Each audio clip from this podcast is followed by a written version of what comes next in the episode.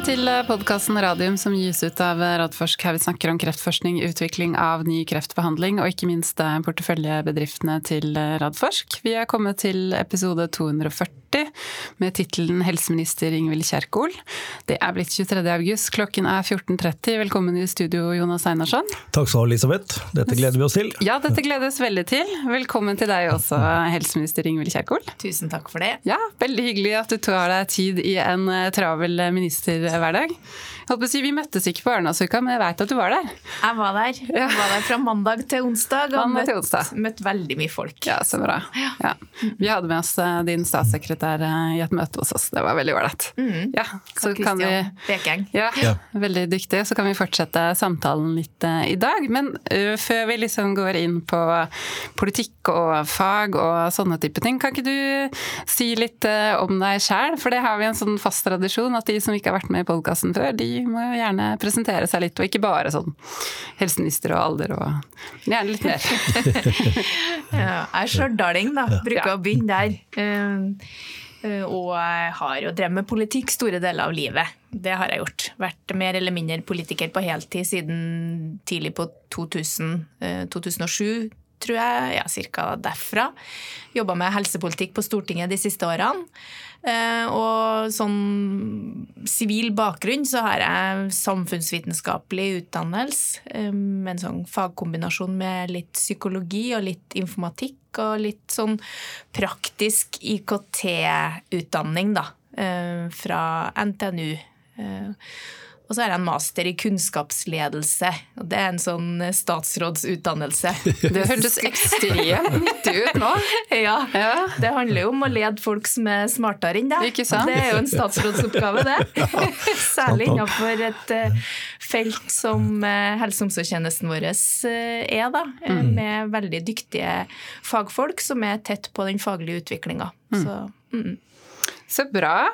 Eh, og nå har du snart vært eh, helseminister et år, men som du sa, du har jobba med helse i lang tid i, i opposisjon. Mm. Eh, og vært helsepolitisk talsperson for, for, Arbeiderpartiet da også. Hva syns du er største forskjellen på å være i posisjon og opposisjon?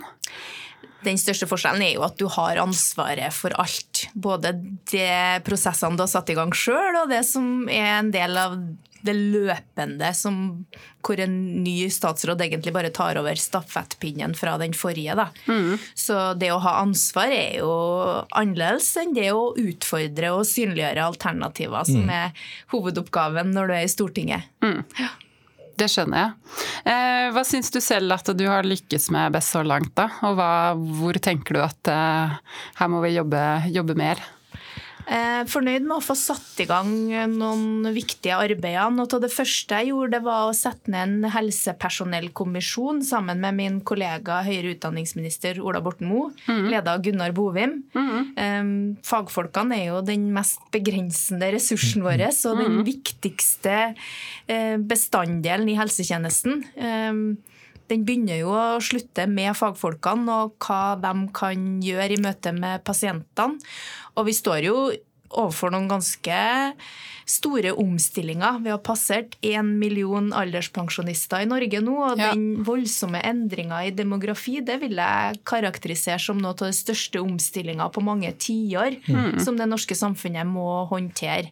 Og da er jo både den kunnskapsspissen dere representerer, men også hvordan de ulike fagfolkene våre deler på oppgavene, og, og hvordan ressursene finner hverandre, en viktig del av det. Så der har Gunnar Bovim fått egentlig ansvar for å løse alle problemene våre.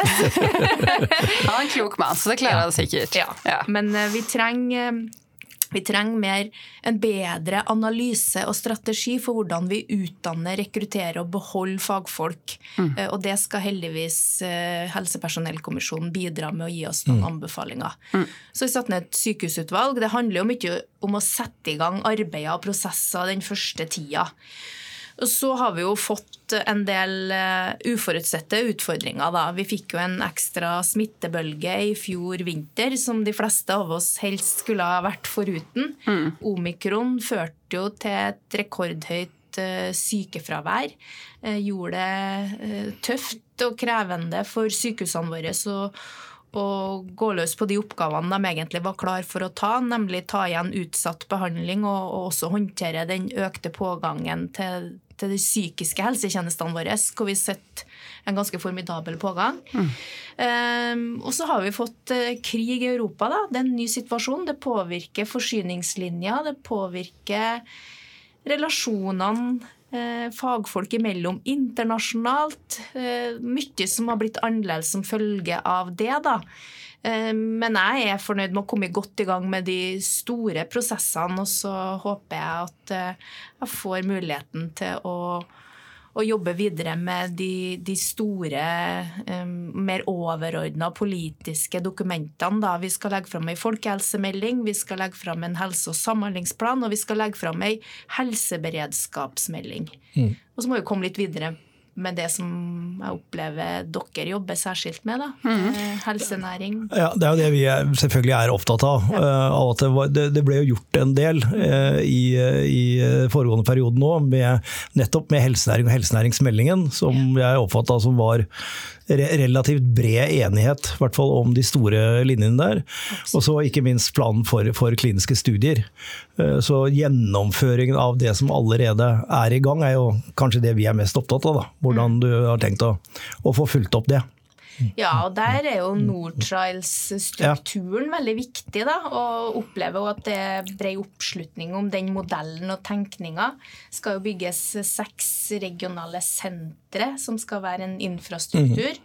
Så det er reflektert i oppdragsbrevene til ja. helseregionene. Og, og, vi har også hatt flere møter med min gode og fremoverlente kollega næringsministeren. Det er klart det at eh, også en økt oppmerksomhet knytta til helseberedskap og vår responsevne eh, når vi møter grenseoverskridende helsekriser, gir òg noen muligheter for norsk helsenæring mm. stort. da. Ja, da, da, tenker du mer på det store med, med antibiotika, antibiotikaresistens, vaksiner, ja. eh, beredskap rundt de, disse tingene her, som kanskje ble veldig synliggjort nå i, i, pandemien. Ja. Uh, I tillegg til, til, alt det vi bygger nedenifra da, med, mm. med bedriftene og sånn. Så jeg tror det er, det er, veldig viktig at vi på en måte ikke går på Folkehelseinstituttet og vaksineblemma der en gang til. Nei. Men at vi er dette som du sier, fremoverlent. Og da er det jo det som vi også har etterlyst en del tidligere, det er dette samarbeidet departementene imellom. Mm. Så si liksom litt om det. Altså vi, med det jeg holder på med, med, med Innovasjonsparken her, og med selskapene, samarbeidet med skolen, så jobber vi opp mot liksom, eh, forskning, undervisning, næring, helse. Og så er vi jo sånn litt silotenkning i det. Og da er jo, det er bare dere som kan, som du sier, ha, ha møte med hverandre. Absolutt. Nå skal jo høyere utdanningsministeren også legge fram en langtidsplan for forskning, hvor vi òg ser på noen av de store samfunnsoppdragene. Så har vi jo fått uh, det her EUs eh, e uh, samfunnsoppdrag, Mission for Cancer, som et godt eksempel, og egentlig en ny måte å tilnærme seg det å løse samfunnets utfordringer på, som kan mobilisere i større grad mer tverrfaglig og tverrsektoriell tilnærming. Og, og, forhåpentligvis eh, et bedre samarbeid mellom en leverandørvillig industri mm. og, og, de behovene som vi som fellesskap og, og offentlig helsetjeneste har. Da. Ja. Så um, her er det mye god Eh, samordning som må på plass for at vi skal bevege oss ja, eh, framover. Da kommer vi jo inn på hele verdikjeden, mm. som, er, som, er, der hele tida. Og ja. da er liksom litt sånn elefanten i rommet da er jo liksom om vi har hele verdikjeden. Vi, vi, vi vet vi har forskninga i bånn på hvert fall på en del områder, og spesielt onkologi og kreft, da, som vi er, vi er, veldig opptatt av her. Og at vi etter hvert er blitt gode til å få det ut som anvendt forskning og transaksjonsforskning, og så sette i gang og utvikle. og så i den andre enden med dette forferdelige dyreløpet, så er jo da nettopp med, med, å ta i bruk mm. både det medisinsk-tekniske utstyret, som jeg kan veldig lite om, men som jeg har skjønt fra Medtech-bransjen at er en stor utfordring. Men dette med pilotering og, og, og, få de første kundene, og da selvfølgelig å ta i bruk de nye kreftlegemidlene. Så det er liksom hele verdikjeden. Absolutt. Og her tenker jeg jo at mye av læringa fra pandemien og det som skjer i EU nå, med større oppmerksomhet på det å å, løse utfordringene og, og, bli mer resilient, da, som, som man sier på EU-språk. Motstandsdyktig. ja, ja. Eh, I møte med fremtidige helsekriser. Og de kan jo være veldig akutt, sånn som en pandemi, mm. hvor et virus plutselig kommer. Men det kan jo òg være eh, den her sakte utfordringa mm. som handler om endringer i demografi. Mm. Det kan være MRSA. sant? Mm, mm. alt det som Absolutt. kommer litt sånn mer glidende. Hvor vi trenger å, å ha eh, en større del av aktørene eh, i Europa. Da, veldig tydelig uttrykt målsetting fra EUs eh, e mm. kommissær for helse og mattrygghet som et eksempel. Og det vi så under pandemien, det var jo at USA innførte importforbud, India, mm. de som ville handle med oss, det var liksom Russland og Kina. Mm. Det, det, er et litt sånn Ja. Ja den er litt endra, tøff. Ja, den er litt tøff. Ja. Så det er jo også verdt å reflektere over at alle vaksinene som er satt i norske overarmer, er mm. produsert på europeisk jord. Ja. Og her ligger det en del muligheter for norsk helsenæring mm. som vi bør være med på. Mm. Import- og eksportforbud er vel en het potet, enten det er strøm eller vaksiner. Ja. Åh, du måtte si strøm. Jeg har akkurat hatt en sånn rant med deg, og at jeg er så lei av strøm. Jeg bare det var nok om det, da, uten at vi skal snakke om strøm, men det er klart at Eh, krigen i Ukraina påvirker jo også helsetjenesten. Selvfølgelig gjør det det. Mm. Nå har de regionale helseforetakene som jeg er direkte eier av, da mm. heldigvis veldig mye fastprisavtaler på strøm, men de trappes jo ned. Men eh, veldig mye av de varene de importerer og alle de produktene som trengs i helsetjenesten hver dag, eh, har jo blitt mye, mye dyrere. Mm. Så vi får noen sånne utfordringer. Ja, vi ser jo det over hele linja. Alt blir bare dyrere nå. Så vi, vi må jo ja, vi må omstille så det er derfor det med helsenæring faktisk er jo en god ting å satse på. Mm. For da får man jo ut verdiskaping, ikke sant? i tillegg til at man får ut, uh, får ut produkter til, til, pasienter.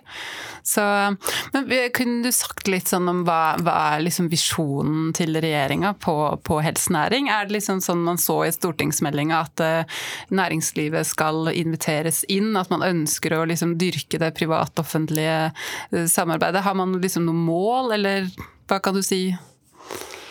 Ja, vi ønsker jo å utvikle en kultur i helsetjenesten hvor det er naturlig å samhandle med en, eh, en villig leverandørindustri i stort. Da. Og det er jo både innenfor legemidler, eh, teknologi, eh, og så kanskje ikke det er naturlig å tenke at alle produktene helsetjenesten trenger er det naturlig at produseres i Norge.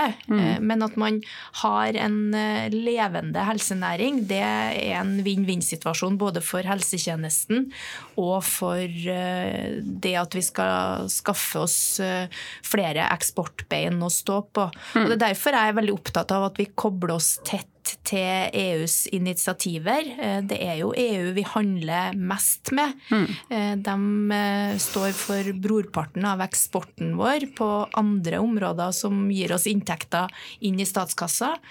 Og ser også at den nordiske velferdsmodellen er interessant nå for andre land.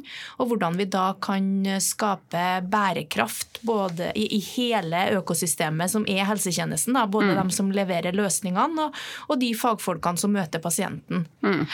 Og Det nordiske samarbeidet der er jo veldig interessant for Norge, for vi er jo litt lillebror i forhold til Danmark og Sverige når det kommer til helsenæring, så vi har jo mye å, å lære av de. Absolutt.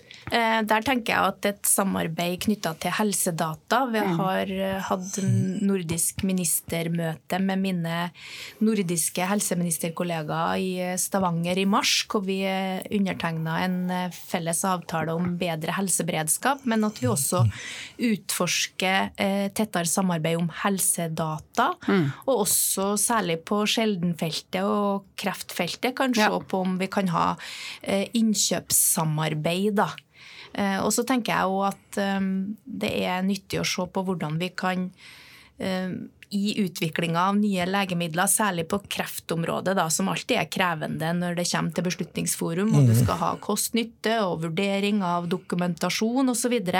Hvis man kunne i større grad klart å utvikle modeller hvor du tenker tilgang fra start.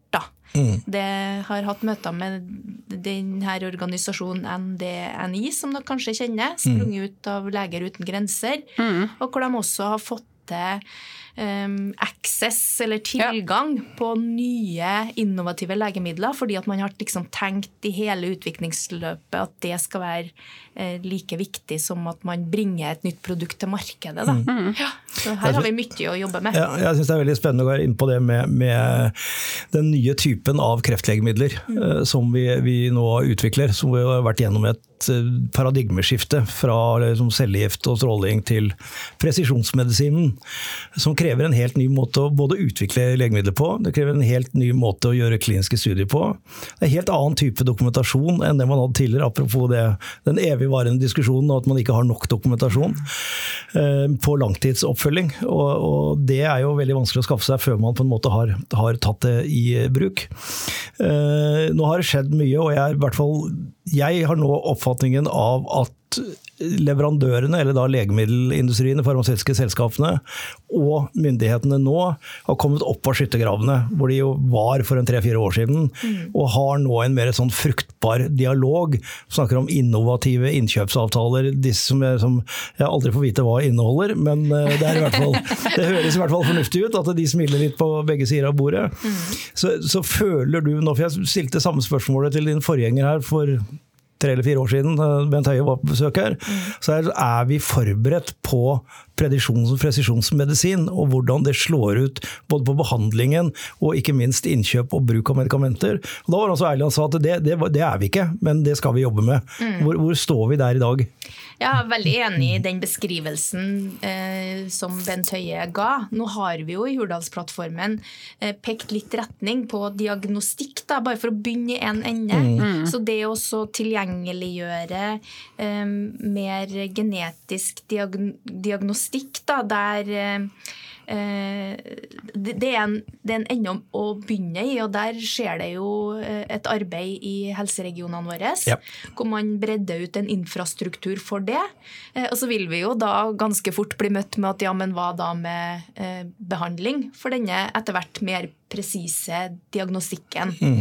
Men jeg mener det, det, kan være en riktig måte å tilnærme seg det på, istedenfor å bare tenke at nå må vi snu alt på hodet. Mm. For det kan man lett se for seg når vi skal gå liksom fra store pasientgrupper med dokumentert effekt på gruppenivå, mm. helt ned til den, det enkelte individ, og også genetikken i den, mm. en, det enkelte individet sin eh, svulst, så mm. blir det veldig spissa, og det utfordrer oss på det å kunne dokumentere effekt for å gjøre gode kost-nytte-vurderinger, sånn at man kan prioritere den type behandlinger. Da. Ja.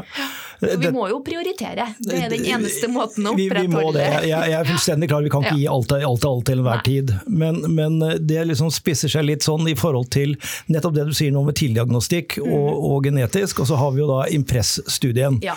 Uh, og da er det veldig spennende da, å observere at Eh, helseforetakene faktisk går inn og sier eh, til de som driver Impress-studien at hvis dere etter noen måneder kan vise at dette medikamentet, som til da er gitt gratis av industrien, faktisk har effekt på denne ene pasienten, så kan vi gå inn og betale den mm. uh, videre. Det syns jeg er kjempepositivt. Enig. Og da er store spørsmålet, det todelte helsevesen. Mm. Hva da hvis jeg får dette her og går til Aleris og kjøper medisinen, og etter tre måneder så viser det seg at den virker? Mm. Eh, men jeg har ikke råd til å, å betale det lenger selv. Er det fordi jeg har gått privat at jeg da ikke skal få den, men hvis jeg hadde vært i impressstudie, så skulle jeg fått det? Hva tenker du rundt det? Ja, det er i hvert fall en veldig sterk argumentasjon for å fortsette en sånn tilnærming som det impressstudien er. da. Og vi ønsker jo at eh, det skal være mulighet for å være med i studier mm. i eh, vår felles helsetjeneste i størst mulig grad. Um, sånn at, uh, at ny behandling blir tilgjengelig først privat, det, det er nå en situasjon som en helseminister har begrensa innflytelse på. Ja, ja. Men uh, det å ha ambisjoner og pushe på for at uh, den type utprøving og tilgjengeliggjøring skal skje i vår felles helsetjeneste, det blir jo min oppgave, da. Mm. Blir det. Ja, Og vi ønsker oss jo alle at det skal til det offentlige. Ja, ja. vi gjør det. Absolutt. Eh, vi hadde jo møte om kliniske studier forrige uke på, på Arendalsuka med helt ferske tall. Vi hadde også med rådgiver fra deg, Marianne van der Weel, som mm. svarlig for handlingsplanen der. Og det, det, går jo ikke sånn Altså det går litt oppover, men det går ikke så mye oppover som nabolandene våre. Så eh, vi er allerede enige med, med Invento vi gjør Adforsk, at vi skal følge opp igjen neste år. Så, men der er jeg litt sånn spent på om For der, departementet har jo vært framoverlent og sagt at her endrer vi tiltakene hvis det ikke det fungerer. Mm. Så jeg håper jo virkelig at uh, man er så framoverlent at man gjør det, da. Hvis man ser alle, altså neste år, for den, ja, den går jo fram til 2025. Mm. Da er vi i 2023. Da begynner det liksom å haste hvis man skal nå de målsetningene man har satt. Ja, her må vi være villige til å, å se på virkemidler. Eh, mm. Målsettinga er jo at alle pasienter skal få tilbud om å være med i kliniske studier, mm.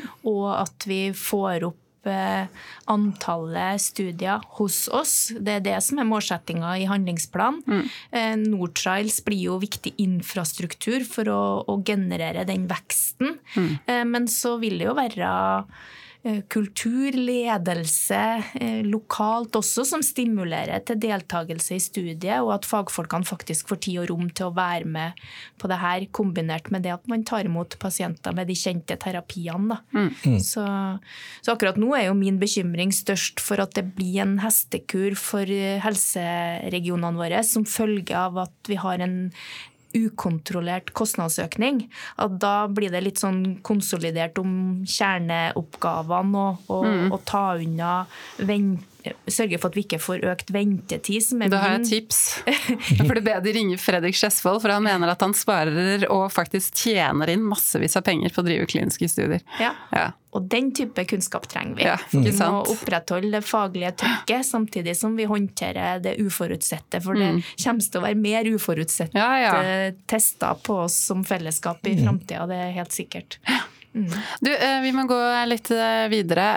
Kreftstrategi, eh, det er noe dere jobber med nå, og som dere skal legge fram. Der har jeg snakka litt med, med, gode venner i Kreftforeningen, og vi er litt sånn eh, lurer på hva slags visjon og ambisjoner dere har her, og hvordan dere ser liksom kreftstrategien kobla også opp mot eh, helsenæring. Eh, formålet med den kreftstrategien vi har, er jo flere gode leveår. Eh, god livskvalitet og det å få tilgang på eh, det fremste av behandling. Mm, så utfordra Ingrid Stenstadvold Ross meg i Arendalsuka på at vi burde bli best på hjemmeoppfølging for kreft. Mm -hmm. Så jeg vil jo veldig gjerne komme tilbake med den type mer konkrete målsettinger når vi lanserer den nye kreftstrategien. I Hurdalsplattformen så står det at vi skal ha en eh, kreftplan. Det blir en kreftstrategi. Ja. Eh, sånn at vi har med oss hele feltet. da. Eh, konsekvensen av den endra demografien er jo også at flere lever med kreft, og kanskje ikke har nytte av de her cutting edge, innovative, eh, nye legemidlene. sånn at vi må jo se hele tjenesten vår under ett. Og noe av det eh, Hurdalsplattformen løfter fram, er jo at tjenesten må henge bedre sammen. Mm. Så jeg kommer til å legge fram en helse- og samhandlingsplan istedenfor en ny helse- og sykehusplan. Og med 30 000 nye kreftdiagnoser i året, så er jo kreftpasientene en av dem som er mest avhengig av at vi har en, en tjeneste som henger sammen. Uansett om det er kommunehelsetjenesten som har ansvar for deg i den perioden du er hjemme, eller om det er spesialisthelsetjenesten som gir deg mer presisjonsbehandling eller mer avansert behandling som kreftpasient. Da. Mm. Uh, Arendalsuka i fjor så hadde vi jo nettopp fått denne Commonwealth-rapporten, Mirror mm -hmm. Mirror-rapporten, som reita vår felles helsetjeneste som nummer én i Absolutt. verden. Mm. Men på ett parameter pasientforløpet så lå vi helt ned på åttendeplass. Ja. Og der mener vi det er riktig å rette oppmerksomheten, da. Og da er det jo òg viktig at vi, at vi får med det perspektivet i, i, fra industriens side også. Eh, at man retter seg mer mot eh, eh, behandlingsmetoder som kanskje ligger, legger bedre til rette for hjemmeoppfølging òg. Mm. Um, så, så vi har med hele feltet. Ja, jeg tror det er veldig viktig å se at en kreftpasient i 24, 25, 26 er et helt annerledes pasient og et helt annet menneske, kanskje også i livsforløpet, i forhold til det det var når forrige kreftstrategien ble, ble laget. Vi, vi har mye bedre medisiner. Mm. Vi har mye mer kreftoverlevere. Vi får mer og mer langtidsoverlevere. Mm. Og det har skjedd en digital eh, revolusjon, som, som Elisabeth sier. Så jeg tror man liksom, denne gangen må man virkelig løfte blikket. Og så, og så se ikke en, en ting er at vi ser på alle de problemene vi har i dag, og så prøver vi å løse de. Men sånne planer, altså virkelig løfte blikket og si hvordan ser dette bildet ut om ti år? Og hva slags helsevesen er det vi har da? For du må jo gjøre det, du får ikke nok folk hvis vi skal drive så mye da. Det er, det er ikke nok folk i Norge. Så det blir jo også viktig å på alle nivå eh, lykkes med forebygging i mye større grad. Nå skal vi legge fram en folkehelsemelding neste år, eh, og så har vi denne eh, grunnmuren i tjenesten vår som heter fastlegeordninga, som òg er veldig sentral i all oppfølging av kreftpasienter. Den må vi gjøre bærekraftig, for det er han ikke i dag. Nei. Så der må man nok knuse noen egg. Du snakker med en gammel allmennlege. Jeg skulle til si det som, som en gammel allmennpraktiker og helsesjef så, som faktisk var der nøyaktig i overgangen til fastlegeordningen. Og så Det siste ordningen jeg hadde, var at jeg hadde en, en avtale med kommunen, som da var Lardal kommune, som dekket alle mine kostnader. Og så fikk jeg betalt for de pasientene jeg behandlet. Det er en sånn hybridløsning, men, men det, den var ikke så gæren. Og den kom etter kommunelegeordningen, som da hadde kommunelegen bare fastlønn. Og så viste det seg at kommuneleger de var like mye mennesker som alle andre, så de var bare halvparten så produktive som de som fikk betalt per pasient. Og så da over til fastlegeordningen nå, de, sånn som det er nå. Vi skal ikke gå inn på den diskusjonen nå, men det er en kjempeutfordring dere bare må løse. Ja, og det som, Vi må beholde det som er gullet i ordninga, og det er jo listeansvaret. At du etablerer en relasjon over tid Ja. med en allmennlegespesialist og pasientene eh, og pasientene til vedkommende. Det er det som er gullet i allmennmedisin. enig. Ja, så nei. Ja, det er det. Men der kommer det vel en rapport nærmere jul, var det ikke det? Du satt Jo ned sånn ekspertutvalg som skulle jobbe, jobbe litt fort. Absolutt, men Ja. vi er også innstilt på å komme med mer kraftige grep til neste års budsjett. Så Ja. det er ikke en pausefisk vi har lansert. Det er, eh, det er litt mer bistand for å bryte på noen av de strukturene som var gode og attraktive i 2001, Ja. men som nok ikke er bra for fastlegene Mm. i 2022, hvor man har blitt eh, like menneskelig som pasientene sine Ja. og vil kombinere det her med eh, det å være menneske og familie, ha familie og alt det der. Da. Så, så, og så syns jeg også det må nevnes, da, i og med at vi kom inn på fastlegeordninga, så har vi jo eh, Kommunene blir jo kompensert for demografiske endringer. 100 eh, Helseregionene våre har blitt det 80% og så har man effektivisert og tatt det på margin. Men fastlegeordninga er ikke kompensert siden 2001, verken for befolkningsøkning eller demografi. Såpass. Sånn at det er noe med strukturene og, Ja. og finansieringa som Ja. ikke er bærekraftig, og det må vi ordne opp i. Og gjøre det attraktivt. Og jeg tenker jo at eh, oppfølging av kreftpasienter er jo òg noe som er spennende innen allmennmedisin. Eh, mye mer kan gjøres eh, fra fastlegen. Ja. Ja, og det tror jeg spesielt med disse nye behandlingene som kommer. Absolutt. Og hvis man kobler det da på øh, altså desentralisert behandling, da, som jeg vet dere allerede har snakket om i forbindelse med kreftstrategien, og så i tillegg kan koble det opp mot desentraliserte kliniske studier, da kan du jo plutselig jobbe hvor som helst i Norge, ha verdens kuleste kreftjobb, og virkelig være med på liksom cutting edge-forskning. forskning. Så det, ja, det er noe med å se mulighetene der. Absolutt. Eh, Vi, vi har et siste spørsmål til deg, for vi begynner å å renne ut av tid. Altså, sånn, du var jo så vidt eh, inne på Nei, du kan si dette her, Jonas, med utvidelsen av parken. Ja. Ja. Eh, du Du, sitter, sitter jo nå i, i studioet vårt sammen med elevene fra Ullern videregående skole, som eh, produserer dette for oss. Og det har jo vært, tillatt meg å si at det har vært en suksesshistorie med Innovasjonsparken, med blomstrende med nye bedrifter og voldsomme voksesmerter. Så det er jo ikke helseministerens eh, ansvar å sørge for at Oslo kommune selger meg disse tre tomtene jeg krangler med det om. Men, men eh, vi, jeg har vært på et veldig hyggelig møte med kommunen senest i dag om å få på plass byggetrinnet før det, som forhåpentligvis er på plass allerede i 25. Eh, Men det er egentlig Spørsmålet mitt er liksom, mener helseministeren og øh, regjeringa noe om hvordan vi skal få implementert helsenæringsmeldingen til å ikke bare være veldig gode meninger og gode planer, men at det faktisk er sånn Jeg går så langt som å si at det som eh, Her i Oslo så er det Oslo Science City, og de tingene som gjøres innenfor det, burde hatt en egen fast track når det gjelder å komme seg gjennom byråkratiet og det som tar altfor lang tid nå. Er det noen sånn, den type signaler som vi kan kanskje håpe å få?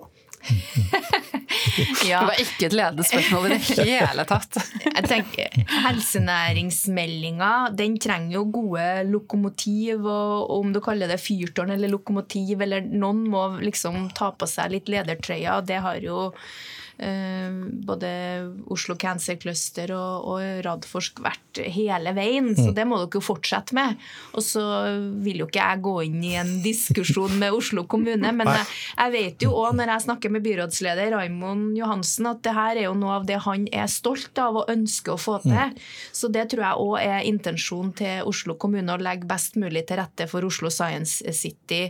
Og så skal nå eh, jeg og høyere utdanningsminister etter hvert eh, håndtere livsvitenskapsbygget og ja. dens framtid og hele OS-utbyggingen òg, som skal være med å, å bidra til, til, at uh, Oslo blir Oslo Science mm. City. Mm. Og så tenker jeg at uh, det er viktig at de andre regionene som også har kunnskapsspisser, finner sin plass i et landslag. Vi ja. må være ferdig med det her kretsmesterskapene. Tenk landskap landslag hele tida. Og der syns jeg, på de årene jeg har vært helsepolitiker, at vi har bevega oss veldig raskt. Ja. Mm. Det er veldig stor enighet, god kobling mellom de ulike miljøene, og man spiller godt på UH-sektoren sin infrastruktur. Nå skal jeg også ha en eh, gjennomgang av den sentrale helseforvaltninga. Det er oppfølging både etter de ulike koronakommisjonsrapportene, men mm. også det at vi sikrer oss at vi ikke har dobbelt eh, Eh, arbeidende, underliggende etater. Mm. Og at vi bruker liksom fellesressursene mye mer aktivt. Her ligger det masse muligheter. Absolutt. Mm. Så bra. Tusen takk for at du tok deg tida til å komme igjen. Og så ser vi fram til en spennende høst. Altså Statsbudsjettet er kanskje neste store post. Ja. Det går litt sånn kule, kulevarmt og mye jobbing. Ja. Eh, vi er vel ikke så spent på statsbudsjettet nødvendigvis. Det er jo ikke liksom penger nødvendigvis vi er ute etter. Men eh, det blir uansett spennende å se om eh, ja, det er styr styringssignalene og klare direktiver. Det er det vi er på jakt etter. det er det vi skal ha. Ja, det skal vi prøve å bidra til. Så var det veldig hyggelig. Det her er jo den type seanser som en helseminister kunne tenkt seg hatt hver dag. Ja. så bra. Må gjerne komme tilbake i morgen. Da har vi et veldig spennende selskap som vi skal snakke med. Så det Nei da. Tusen takk skal du ha.